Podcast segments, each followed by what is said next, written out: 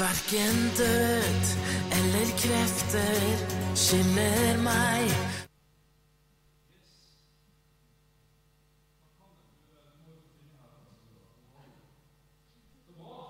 alle sammen. Gratulerer til dåpsfølget. Det var nydelig å være med på. Følte meg som en del av familien. Er det lov å si? Yes. Um, så bra. Ok. Godt at det henger på på Facebook eh, også. Jeg ser at eh, Det er nærmere 100 mennesker som er der. Så vi er en stor gjeng, selv om ikke det ser sånn ut. Ehm, og godt er det. Ja vel. eh, vi er denne høsten Nå skal vi se om vi får til teknikken her. da, med, Der har vi han. Denne høsten så er vi i en taleserie som heter 'Hjem, kjære hjem'. Og Vi tar for oss noen av de utfordrende temaene som kommer når vi lever under samme tak. Og så prøver vi å se hva Bibelen kan lære oss inn i disse her hverdagsutfordringene. Og Så starta vi denne høsten med å reflektere litt over hva det var mann, hva det var kvinne, maskulinitet, femininitet, i skjønn forening eller ikke. Og i dag så har jeg det krevende temaet hvem er sjefen i hjemmet? Woo! Sorry, der sprakk noen trommehinner der. Um, eller var det feil spørsmål? Uh, det, er, er, det feil å stille det spørsmålet i det hele tatt? Og så La meg se innledningsvis her nå at det, det er jo sånn at uh, jeg er jo fullt klar over at uh, alle her lever ikke i en familie. Noen av dere er single, kanskje du er skilt. du lever ikke under samme tak med noen. Jeg har tre venner på besøk i dag. De kom seint i går kveld. Hvor sitter dere, mine venner fra Kristiansand? Er dere her? Bakerste benk. Kom igjen. Hva skjer? Alle de tre er single. Så jeg er fullstendig klar over at, at vi ikke alle nødvendigvis så, Det treffer ikke nødvendigvis så personlig, denne tematikken. Men da har jeg lyst til å si til dere som, som representerer den kategorien, at det er godt at du er her. Fordi ja, Det er jo en kjensgjerning at de fleste av oss vi lever i en eller annen relasjon til noen, i et samliv, i et ekteskap. Og vi trenger det som er singel. Og vi trenger din hjelp, for det er ekstremt krevende å leve under samme tak med noen. Det vet vi alle. Og Derfor er det så godt at du er her i dag, som er singel og som, ikke, som lever alene.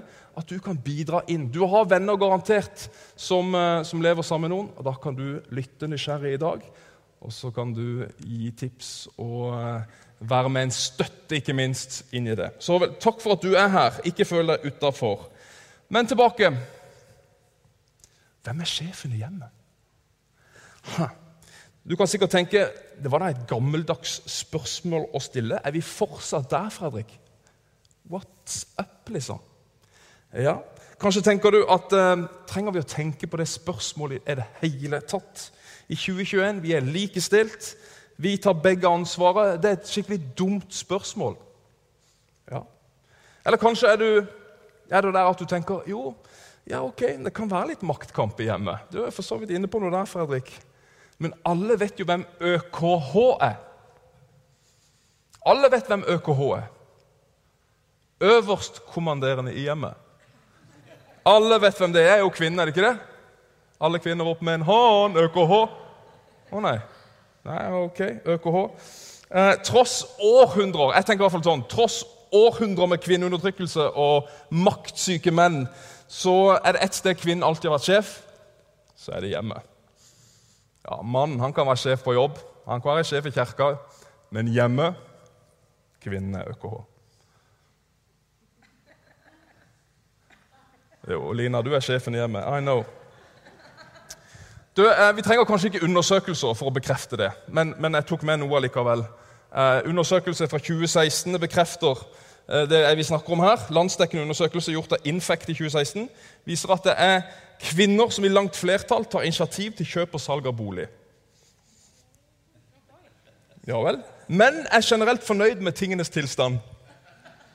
Trenger vi det, da? Hm? Nå må vi pusse opp. Ja, trenger vi det? Er det noen som er der? Undersøkelsen sier at boligomsetningen lavere, hadde vært betydelig lavere hvis det var mannen som var sjefen. Skjønner du? Og så står det når, når kvinner bygger reir, da er det ingenting som kan stoppe oss, sier artikkelen.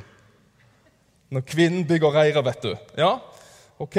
Mens mannen lusker mer i bakgrunnen. Er det noen som kjenner seg igjen? Opp med en hånd. Svein Hetland. Kun han. Ja. Og så sier faktisk undersøkelsen at det hadde vært sunt både for familieøkonomier og boligmarkedet dersom mennene hadde involvert seg mer og hatt mer å si når det gjelder boligkjøp. Jeg synes det er kjempeinteressant. Yes, vi kan diskutere den etterpå. Men det fins håp. For nå tvinges jo menn av staten til å ta mer ansvar hjemme gjennom pålagt pappaperm. Ikke sant? Nå må vi alle ta den. For, eh, og Noen syns det er en altfor trang T-skjorte. den at den er pålagt, Men forskning sier at det er bra for relasjonen mellom fedre og barna. Ok, Det skjønner vi jo selvfølgelig. Og så sier forskningen også, eller Resultatene sier at flere menn følger opp barna tettere etterpå. Aha, Så staten den kommer inn her og legger inn noen reglementer, sånn at mannen skal ta mer ansvar hjemme. Men dessverre kvinner. Rapporten sier også at mannfolket ikke nødvendigvis tar mer ansvar for husarbeid etterpå. Så det er ikke alt staten kan gjøre noe med, men for Gud er alt mulig. Yes. Det er jo litt sånn, spør, Hvis jeg spør en mann her etterpå ja, det er med å ta en burger på onsdag, så får jeg garantert svaret. Jeg skal bare sjekke med dronninga eller jeg skal bare sjekke med sjefen. Ba, bare, ikke sant? Ja. Kona er ØKH som regel. Og takk og lov for det, at kvinnen tar mer ansvar i hjemmet enn eh, mannen. Og eh, ja, jeg tror faktisk de fleste menn er veldig takknemlige for det. Og Poenget mitt er heller ikke at kvinnen skal være sjef i hjem og samliv. Da tror jeg flere hadde lagt inn en protest, men heng på. ØKH eller ikke, ser vi dypere inn i våre samliv, alle og enhver, så ser vi at eh, en del av de utfordringer og en del av de konflikter vi har, det går på avgjørelser. Det går på bestemmelser. Hva skal vi bruke pengene på? Hvor skal vi reise på ferie? Når skal vi besøke svigermor? Eller eh, ja, hvor mye skal vi være involvert i kirken? Alle disse bestemmelsene, alle disse avgjørelsene. Hvem er det som initierer? Hvem er det som tar ansvar for familien og fellesskapets beste? Ja, for selv i et, et ekteskap så, så kan vi tenke på hva som er mine og hva som er dine rettigheter. Ja, 'Nå er det min tur til å sove lenge, for det, du sov jo lenge i går.' Eller 'Nå skal jeg ut med venner, fordi jeg har jo tatt ut av vaskemaskinen flere ganger enn det den siste uka.' Og, 'Nå har jeg jobba så mye i det siste at jeg har rett på å ligge på sofaen i dag.' Og, ja, vi tenker ofte sånn 'mitt liv og ditt liv, mine rettigheter og dine rettigheter' osv. Som om samlivet skal være en sånn jevn fordeling av byrder og ansvar. Hmm. Ja, God samhandling det er ingen selvfølge. Sikkert en hånd i været fra alle der. Godt samarbeid det kommer ikke av seg sjøl. Lenge så hadde jeg vært gift i var det 20 år. Katrine er ikke her i dag. Vi vi 20-årsjubileum i, i, i, sommer. Og, um, og, vi har i nesten alle år strevd med å få jula til å fungere. Altså jul. Feire jul, ikke Ja. Ok? Uh, og, uh, og, det handler om mitt hjem, ditt hjem, ikke sant? hennes tradisjon, min tradisjon. Og, så vi har virkelig måttet jobbe med samarbeidet inn i advent- og julehøytiden for hvordan skal jula være. Hun har sine forventninger om hvordan det skal være. Jeg har mine. Hvem bestemmer? Hvem sin tradisjon skal vi ha? Og videre. Det har vært kjempekrevende. Så hvis du sliter med jula, ta, ta kontakt med meg etterpå. så skal jeg... Vi har vært gift i 20 år, nå går det tålelig greit. Men, men selv om mitt spørsmål om, om, hvem som bestemmer, kan virke gammeldags, så er det jo da tydeligvis høyst gjeldende i våre moderne samliv. Det ligger der og ulmer et eller annet sted. Gjør det ikke det? Og Så blir det spesielt aktuelt for de av oss som er opptatt av Bibelen. Eh, for eh, den har jo selvfølgelig noe å, å bidra med inn i våre samliv. Eh, og hvis Bibelen er autoritet i livet ditt, da må vi jo forholde oss til det den sier. Og hvis han ikke er en autoritet Det kan være du sitter her og tenker at Bibelen er ikke en autoritet i mitt, i mitt liv. Så kan du jo bare lytte interessant etter, da. Og Nå glemte jeg at han og du skulle jo lese teksten, så da må, vi, da må, vi, lese den sammen nå. Kan ikke du lese den for oss? Komme opp og lese, Hanne? For jeg har ikke hele teksten her, bare deler av teksten her. For det er en ganske lang tekst. Det skal vi gjøre, vet du. Det er fra Efeserbrevet kapittel 5. Vers 21 til 33, tenker jeg. Ja, Syns du det er en enkel tekst, Hanne? Nei, For å være helt ærlig så sa jeg eh, det var ikke akkurat mine favorittvers du hadde valgt i dag. Ja. Og så, og så tenkte jeg at Herren er nådig, for nå har han glemt at jeg skal lese teksten. Men der kom han på deg, gutt. Kom an. Vi får være eh, falle til ro. Vær hverandre underordnet i ærefrykt for Kristus. Dere kvinner, underordne dere ektemennene deres som under Herren selv. For mannen er kvinnens hode, slik Kristus er kirkens hode. Han er frelser for sin kropp. Som kirken underordner seg Kristus, skal kvinnene underordne seg sine menn i alt. Dere menn, elsk konene deres, slik Kristus elsket kirken og ga seg selv for den, for å gjøre den hellig og rense den med badet i vann, i kraft av et ord. Slik ville han selv føre kirken framfor seg i herlighet, uten den minste flekk eller rynke. Hellig og uten feil skulle den være. På samme måte skal altså mennene elske sine koner som sin egen kropp. Den som elsker sin kone, elsker seg selv. Ingen har noen gang hatet sin egen kropp. Nei, man gir kroppen næring og pleier den på samme måte som Kristus gjør med kirken. For vi er lemmer på hans kropp. Derfor skal mannen forlate far og mor og holde fast ved sin kvinne, og de to skal være én kropp. Dette er et stort mysterium. Jeg tenker på Kristus og kirken. Men det gjelder også hver enkelt av dere. Hver mann skal elske sin kone som seg selv, og han skal ha respekt, og hun skal ha respekt for sin mann. Slik lyder Herrens ord. ja, jeg vet ikke, Blir du provosert? Blir du nysgjerrig? Ja, Det er absolutt en krevende tekst. Og Denne her teksten og lignende tekster for den del av de i Bibelen, den har jo skapt masse masse undring, har skapt masse masse bråk. Om samfunnet generelt har undertrykt kvinner, så har disse tekstene bidratt til at i kristne kretser i kirken så har kvinner også blitt holdt nede. vil jeg kalle Det Det kan sikkert valgt noen bedre ord, men jo, det er jo kjent for de fleste av oss, f.eks. de siste par årene. Diskusjonen, i hvert fall hvis du leser kristne aviser, har jo vært om, om kan eh, kvinner være prest i Den norske kirke.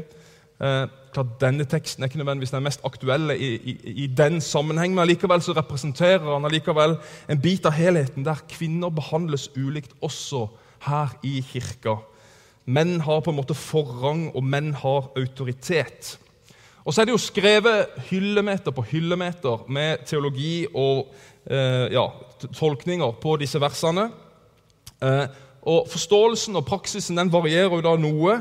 Uh, og Du må gjerne være uenig med min refleksjon i dag. Det er helt greit å være uenig. Vi kan godt, uh, det, her er det takhøyde for ganske mye uenighet vil jeg si, i denne kirka, uh, så lenge vi er gode venner.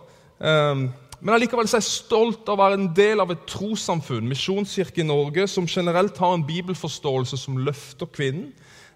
og Helt siden tidligere på, på 1800-tallet, lenge før debattene begynte, så har dette trossamfunnet løfta fram kvinnen. Ok, Men tilbake til til teksten. Ehm, hva legger vi spesielt merke til her? Eh, jo, jeg tenker at Man er, legger fort merke til at mannen er kvinnens hode. Dere kvinner underordner dere ektemennene deres som under Herren selv. Wow.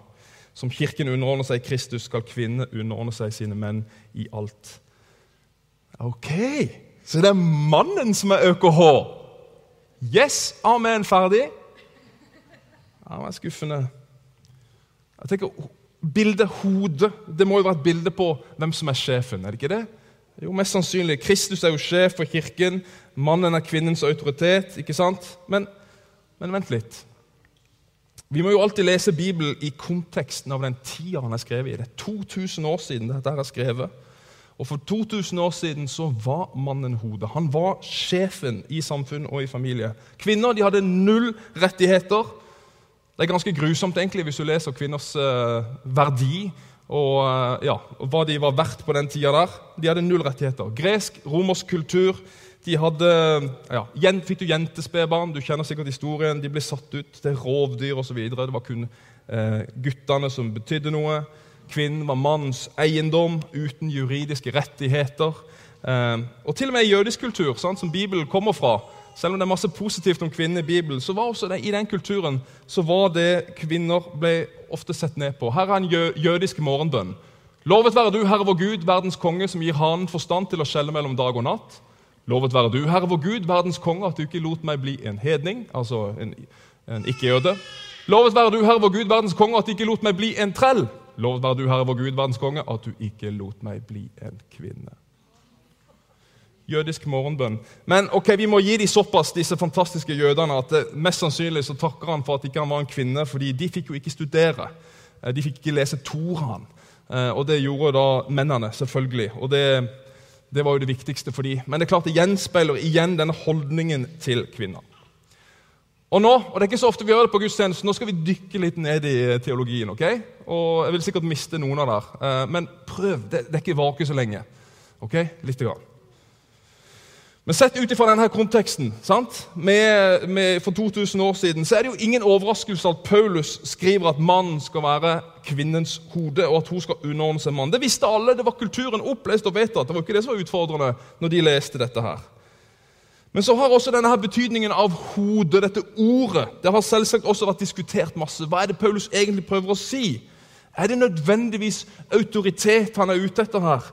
Ordet for hode på gresk er kefale, og det har flere betydninger. Antydninger, ja, selvfølgelig autoritet, men det er også kilde, eller opphav, ligger i dette ordet. Og I flere parallelle tekster i Det nye testamentet så ser vi at Kristus, da, Jesus, han er kilden. Han er opphavet. Alt sammenfattes i han. Han er kilden til liv og til vekst i kirka. Sånn males Kristus, spesielt i Paulus sine brev. Og I så måte så gir ikke nødvendigvis denne teksten en sånn autoritetsstruktur med Jesus øverst, så mannen og så kvinnen. Da kunne vi jo ha forventa at det sto at um, for, for, uh, for, mannen er kvinnens hode, slik uh, Kristus er kirkens hode. Han er herre over sin kropp. Men det står det ikke. Hva står det? Nei, det står frelser for sitt legeme. Jo, han ga sitt liv for å gi kirken liv. Og På den måten så blir han opphavet, eller kilden, sant, til menigheten. Vi ser det i vers 25. Det er ikke verstallene med her, men Kristus elsket kirken og ga seg selv for den. Han er opphavet, han er kilden.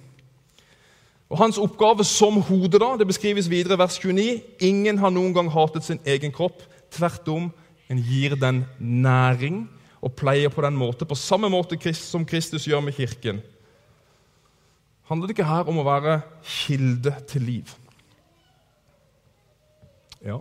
John Stott, stor teolog, han sier det er fra Kristus som hode menigheten henter sin styrke og vokser til modenhet. Det at han er hode, uttrykker mer omsorg enn kontroll, mer ansvar enn autoritet.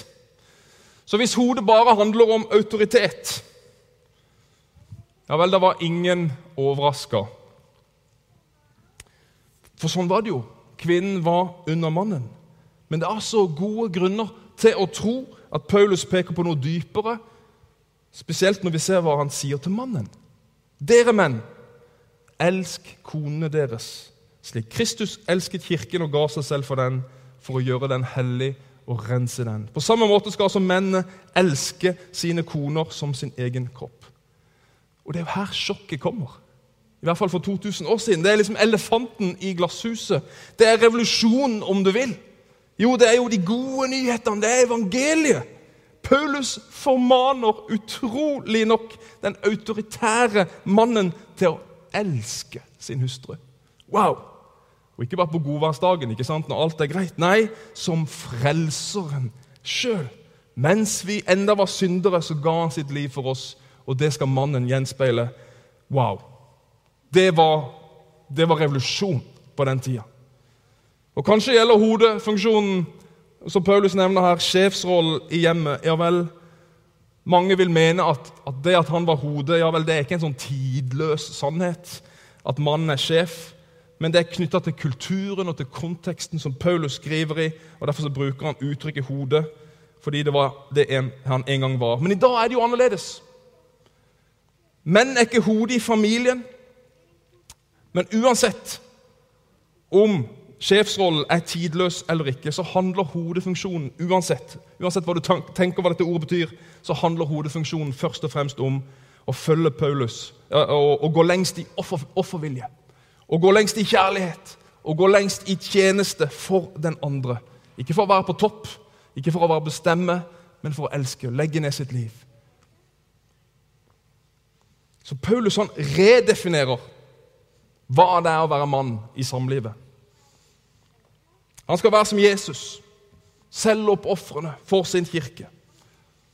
Og om dette hodet, om det betyr liksom, om det handler om kilde og opphav til liv ja, så Også her så kan vi lese at menn skal elske kvinnen som sin egen kropp. Vi legger ned vårt eget liv for å gi liv. Og jeg tenker Det blir jo søren ikke sterkere. Det er jo helt rått, dette her. Det er så radikalt motkulturelt. Mannen får det største ansvaret i underordning. For 2000 år siden Det er sånn jeg leser det, i hvert fall, og mange andre. Dessuten alt jag etter autoritet og posisjon mellom kjønn, det er ikke av Gud. Nei, i første Mosebok så leser vi at, at mannen skal herske eller dominere over kvinnen. Men det har vi jo virkelig sett skje, har vi ikke det? Sånn, hele historien vår har vært sånn. Men de ordene fra første Mosebok kapittel 3 det er ikke en del av skapelsesordene, men det er disse forbannelsesordene eller konsekvensene av syndefallet. Så det at mannen regjerer og hersker over kvinnen, det er en del av syndefallet. Derfor så bør vi ha, unngå å ha fokus på hvem som skal være sjefen.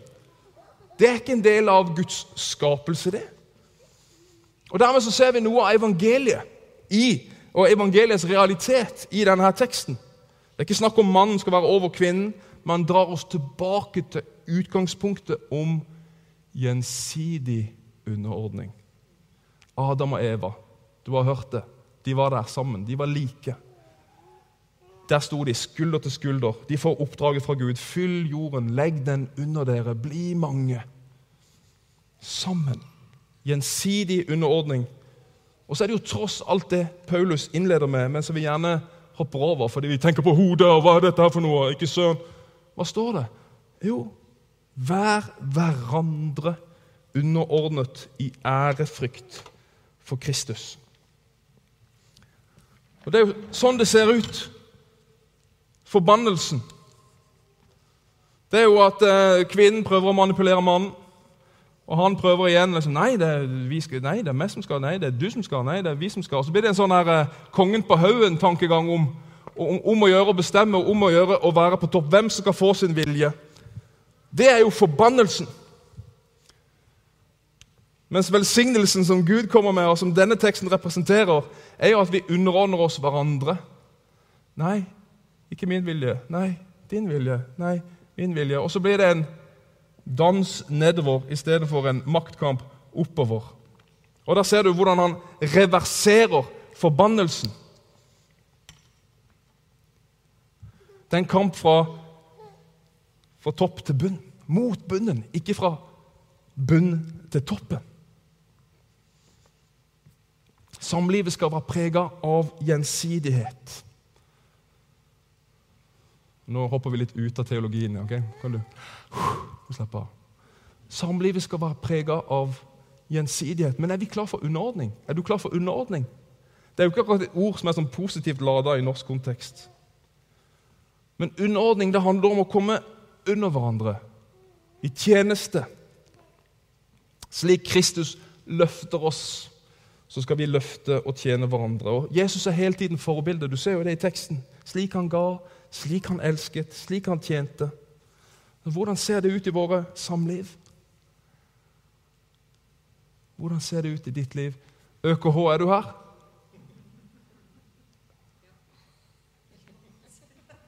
Maria, du er her. ØKH, er du her? Hvis undersøkelsene stemmer, da og Det, jo, det er mer enn den undersøkelsen nødvendigvis som, som viser at uh, mannen dilter etter på hjemmebane mens du styrer skuta. Det vil selvfølgelig variere fra hjem til hjem, men nå snakker vi om generelt her og tendensene. La meg si en ting til deg, da, du som er ØKH. Hvordan kan du få mannen fram? Hvis han dilter etter, hvordan kan du få han fram til å ta det ansvaret? Jeg er ganske sikker på at mange av dere lengter etter flere av mer deltakelse i familielivet, i avgjørelser, i oppdragelse, i eh, ja, husarbeid, you name it. Jeg er ganske sikker på at mange kvinner lengter etter at mannen skal ta det ansvaret og komme fram sammen med deg. Men kan du slippe han mer til? Kan du slippe opp noe av kontrollen din? Da er vi på underordning her. For det er klart, Du, du, er, du leder så godt det hjemmet, det er jeg ganske sikker på. Og du er så flink, men det er ikke lett å være mann. Katrine, min kone, er, er suveren. Og um, utrolig flink med ungene og er jo så pedagogisk og studerer psykologi. ikke sant? Så dette med å, å, å oppdra disse ungene, det er jo søren meg en kamp. Åh. Og, og, da er det ikke lett å være mann.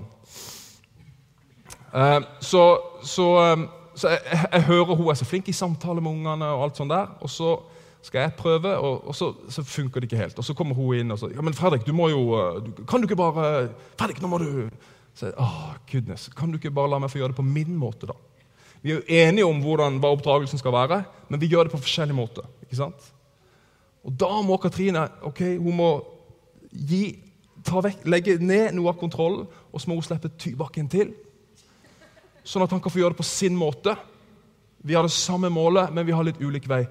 Kanskje gjelder det noen av dere. Kanskje ser du det i jeg ser at en del besteforeldre er også. Kanskje ser dere det i deres barns ekteskap og samliv. Kanskje kan dere gi noen tips hva med å legge ned noe av kontrollen for å få denne her dilteren med? Noen av dere forventer at mannen skal lede. Og Det er fordi kanskje du har vokst opp under en sånn type forkynnelse og teologi. Og det er greit. Mange kvinner vil forvente at mannen skal ta ansvar for det åndelige hjemmet. Han skal samle til andakt og bønn, han skal lede an i oppdragelsen, han skal være hyrde for flokken. Og Det er masse, masse bra i det. Menn må ta ansvar og menn sikkert, Noen menn kan sikkert ta den rollen glatt, men de fleste menn de sliter med den rollen. Det er vanskelig å, å bli forventa at du skal lede hjemme. Og de fleste strever med det. Så jeg tenker til deg igjen, ØKH, pass på at ikke du har for høye forventninger til mannen. Kanskje er det en rolle dere heller skal dele på. Gjensidig underordning. Ikke undervurder deg sjøl. Spill på hverandres styrker. Ok, også til oss menn, da. Jeg må utfordre oss. Ikke resigner. Ikke resigner. Vi tenker mye på jobben, gjør vi ikke? Hm? Ja, er du her? Vi faller vekk. Vi sitter under middagsbordet og tenker på noe annet. Vi detter fort ned foran TV-en. Vi er slitne etter å ha vært uh, på jobb. Uh, vi klarer ikke å være helt til stede, men vi må ta ansvaret du må reise deg, mann. Er det noe av mannskraften jeg tenker, skal den brukes til, så må det være å holde familien sammen, og helst av med Jesus som forbilde. Kjempe for dronninga. Kjempe for barna. Og hvor mye er du villig til å ofre for det? For det er så mye offer her. Hvor mye er du villig til å ofre? Hvor mye er du klar til å underordne din egne sterke vilje for hennes? Ja, det er en utfordring. Og Vi krangler ofte med partneren vår. Eller kanskje mindre og mindre jo eldre man blir. Det er noen pensjonister her. Tunnelene blir kortere og kortere, som de sier. Vi får håpe det stemmer for de fleste av oss. Når vi er unge og nygift, så er tunnelene lange og mørke. Så blir de kortere og kortere. Men krangel er en del av samlivet. Og det, det er i hvert fall min, min, min tolkning av underordning da, i forhold til dette. Det, jeg sier ikke at det er sånn må det være. Men det er at jeg opplever at her må jeg ta et ansvar. Jeg opplever at han, at han gir mannen ekstra ansvar for å ta det ansvaret i forhold til underordning. Og da når vi er i en krangel, så ser jeg det på som min oppgave å få avslutta den krangelen og få gjort opp. Jeg Skal søren ikke. Og kanskje er det ikke min skyld at vi er i en krangel en gang. Still, allikevel. Jeg skal ta det ansvaret jeg skal ta brodden av dette. Jeg skal være den første til å gå ned på kne og si vet du hva, sorry at jeg, at jeg sa noe. Jeg håper ikke Katrine hører på. Jeg deler det bare med dere. Dette er jo noe jeg prøver på. da. Du skjønner, det er ikke alltid jeg klarer det. Men bare for å gi deg et praktisk, for det kan være litt sånn, hvordan ser underordning ut. Jeg tenker at Det er en god, god oppfordring til dere menn. Ta det ansvaret. Sørg for å underordne deg. Vær den første til å gjøre det, og så løser konflikten seg. Hvem sa at det skal være lett å elske slik Kristus ga seg selv? Det koster. Ok, Mot slutten her nå. Skal ikke plage deg mer. Men det første han sier her Vær hverandre underordnet i ærefrykt for Kristus.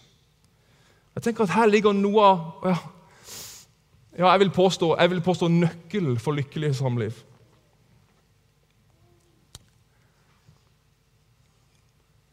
Vi må først bøye oss for Kristus, Jesus. Det er der det begynner. Et lykkelig samliv. Det begynner på kne for Han. Ikke først og fremst på kne foran partneren din. Det er ikke der underordninga begynner. Det er et resultat av ditt personlige forhold til Jesus. Bibelen sier 'søk først Guds rike'. sant? De av dere som kjenner Bibelen. Søk først Guds rike. Ja, Det gjelder jo da ditt samliv. Begynn der. Få Jesus inn i den virkeligheten og i den setningen. Og Da vil jeg utfordre oss litt. Grann, til de av dere det gjelder. At når, ba du, når, når, når ba du skikkelig for partneren din? Når bøyde du kne for Jesus i bønn for hjelp til å elske, til å ofre, til å styrke, styrke til å, til å underordne det? Samlivet begynner i ditt personlige forhold til Jesus. For han gir liv. Han gir den livsholdningen om å tjene. Og Det gjelder for så vidt om du er singel eller gift eller i samliv uansett. Det gjelder oss alle som, som lever for Jesus. Det er den ydmyke holdningen om å løfte andre høyere enn deg selv. Så det, det gjelder oss alle uansett, dette her. Korset det markerer alltid våre liv. Og helt til slutt Samlivet det kan være tøft. Det er mange knuste drømmer her eller der hjemme om hva samlivet skulle være. Mange mislykkes, vi skilles osv. Ingenting er så krevende som å leve under samme tak. Men jeg håper at du ser i denne teksten at det er noe av Guds kjærlighet i det. Ser du Guds kjærlighet i det? Ser du Guds, eller Jesu passion for det? For Hans kirke? Den veien han gikk. Altså Evangeliet er jo her. At han legger ned sitt liv fordi han elsker. Og fordi han elsker deg og han elsker meg og han elsker sin kirke, så gir han sitt liv han er kilden, han er opphavet til livet. Ser du Guds kjærlighet og Guds passion for akkurat det? For det er, faktisk, det er jo sånn at hos Han så finner vi sann kjærlighet. Hos Han, Det er der det, er der det begynner. Lina, skal vi synge den sangen? Lær oss å elske. Og jeg tenker, Sitter du her i dag og kjemper med samlivet? Så var det mange utfordrende ting jeg sa i dag. Men husk i hvert fall dette, for det må være utgangspunktet. Jesus elsker deg. Han ser deg, han ser din smerte. Så trenger du kanskje hjelp i dag til å elske noen. Og til å løse den konflikten. Kanskje sitter du her eller sitter der hjemme og du vet at det er en ting som, som tapper tapper samlivet energi nå, og du klarer ikke å gjøre noe med det. Det er min bønn i dag om at du skal få kraft av Jesus Kristus til å løse det, til å gå den vanskelige veien. Så går det ikke alltid sånn som vi ønsker, men Gud velsigne deg. Amen.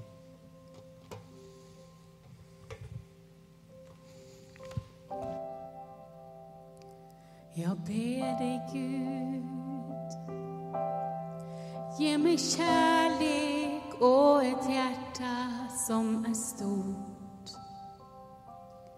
som kan vise på din kjærlighet for vår jord, som du